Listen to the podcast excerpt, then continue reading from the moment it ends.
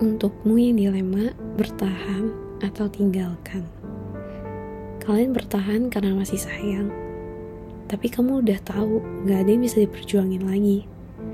Ngerasa kayak memang kalian seharusnya gak bareng, tapi jauh di hati kalian ya kalian sayang. Tapi kalian tahu kan, sayang aja gak cukup.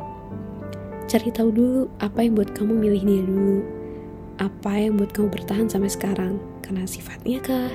Fisiknya kah? Hartanya kah? Apa pun itu deh. Menurut kalian, kalian bisa nggak temen itu di orang lain? Kalau alasan kamu bertahan selama ini cuman, tapi dulu tuh dia baik kak. Please, itu kan dulu. Pikirin juga sekarang itu kamu tuh cuman jenuh atau emang udah basi hubungan kalian. Udah kada luar salah intinya. Jangan ninggalin pasangan kamu cuman karena sekarang mungkin ada pengganti yang lebih hebat atau karena udah nggak ada omongan yang asik. Ingat, selalu ada yang lebih baik, lebih hebat, lebih cakep, lebih keren, lebih kaya, dan lebih lainnya. Tapi itu nggak ada habisnya toh.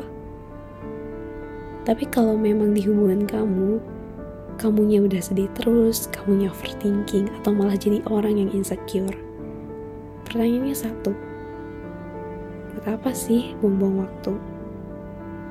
Kadang-kadang tuh gedek juga melihat orang yang udah tahu pacarnya uga-ugahan, dicuekin, diselingkuhin, tapi masih aja dipertahanin. Katanya nanti juga berubah. Tolong deh, sayang tuh boleh, bodoh jangan. Kita punya nilai atau value dalam diri kita. Masa mau diperlakuin kayak gitu?